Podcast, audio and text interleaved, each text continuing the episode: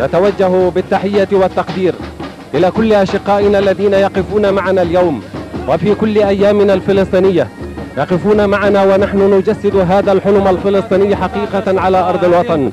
تحية إلى الشقيقة مصر التي أسر قائدنا ورمزنا ياسر عرفات أن تكون طائرة الخطوط الجوية المصرية أول طائرة تهبط على مطار غزة تأكيدا وتسييدا على عمق الترابط والتلاحم.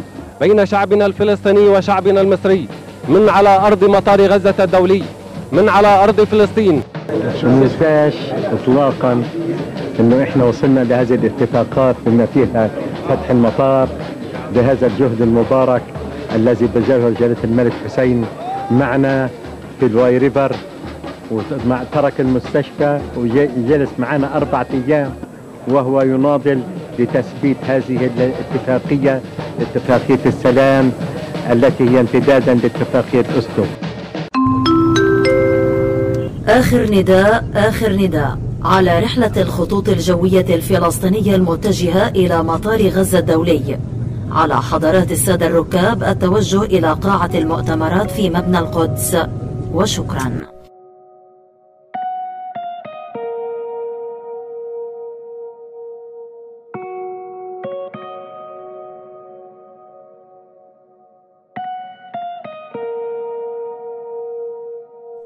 كان هناك حلم وتبخر. كان هناك أمل وتبعثر.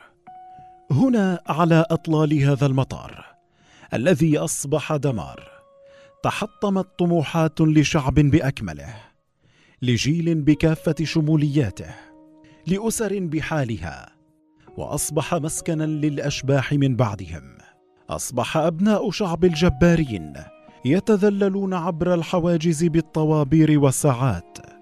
إما للحصول على تقارير طبية للعلاج أو تصاريح للعمل على الأقل أو حتى لزيارة الأقارب والأهالي في الشق الآخر من الوطن بعد أن كانت لهم سيادة على أرضهم.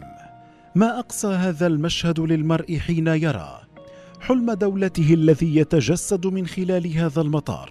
أصبح حاوية للنفاية ومرتعا لقمامات الحي.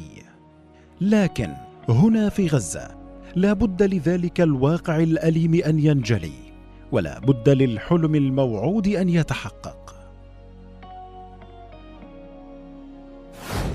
ولو عندنا مطار بيسهل علينا كثير في السفر بالنسبة لي كجريح فلسطيني إيه، بحتاج أسافر عشان العلاج. فكثير راح يوفر علي جهد إيه، جهد ومعاناة أنا بعانيها على المعابر. يعني بكل بساطة إيه، مش قادر أسافر من البلد بالطريقة بالسهولة اللي أنت متخيلها يعني. صعب جدا السفر إلي لازم أسافر مطار القاهرة أو مطار عمان. طب لو عندنا مطار كان الشغلة بسيطة جدا بالنسبة لي ولغيري يعني على صعيد الشخص أنا متزوج جديد. كان ممكن يعني انه كان نفسي يعني إنه الواحد يطلع يقضي فترة آه، شهر العسل في بلدان آه، في بلد ثانية مثلا آه، شرم الشيخ في دبي. طبعا لا غنى عن الوطن بس الواحد من نفسه إنه إيش يقضي له فترة لو بسيطة إنه ينبسط فيها ويتعرف فيها على بلدان عربية أخرى. أن أتشرف وأيضا أفتخر أنني شاركت في عملية افتتاح المطار وأيضا أتشرف بأنني أيضا كنت أحد الإخوة الذين شاركوا في افتتاح خطوط الطيران. سافرت إلى طبعا الأردن لحضور مؤتمر القمة عام 2001 سافرت إلى القاهرة وأعتقد العديد أيضا من زملائنا سافروا إلى تركيا والبعض سافر إلى ليبيا. كان افتتاح المطار هو عبارة عن أحد رموز السيادة الوطنية الفلسطينية التي نعتز ونفتخر أنها أنجزت بأيدي فلسطينية ومصرية وأيضا بدعم من الأردن وأيضا دعم من اليابان دعم من المغرب وبعض الدول الأوروبية. هذا الدعم الكبير كان لأن قضيتنا الفلسطينية القضية العادلة تستحق أن يكون لها مطار ويستحق مجددا أن يعود هذا المطار على أرضنا الفلسطينية وأن يكون لنا أيضا ميناء لنعزز الوحدة الوطنية الفلسطينية حتى نصل إلى تحقيق طموحات شعبنا الفلسطيني في الحرية والاستقلال.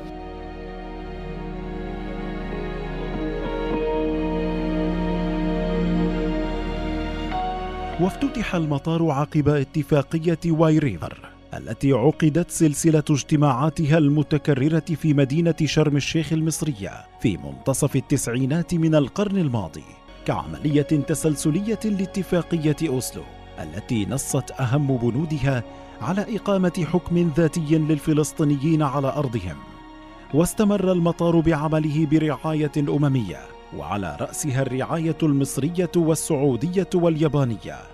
إلى أن تعرض للقصف الهمجي من قبل المقاتلات الحربية الإسرائيلية عقب انهيار اتفاقية وقف إطلاق النار بين السلطة الفلسطينية وحكومة الاحتلال الإسرائيلي خلال أحداث انتفاضة الأقصى عام 2001 ليبقى ركامه شاهدا على نضال الشعب الفلسطيني الساعي لتحقيق حلمه وسيادته على أرضه.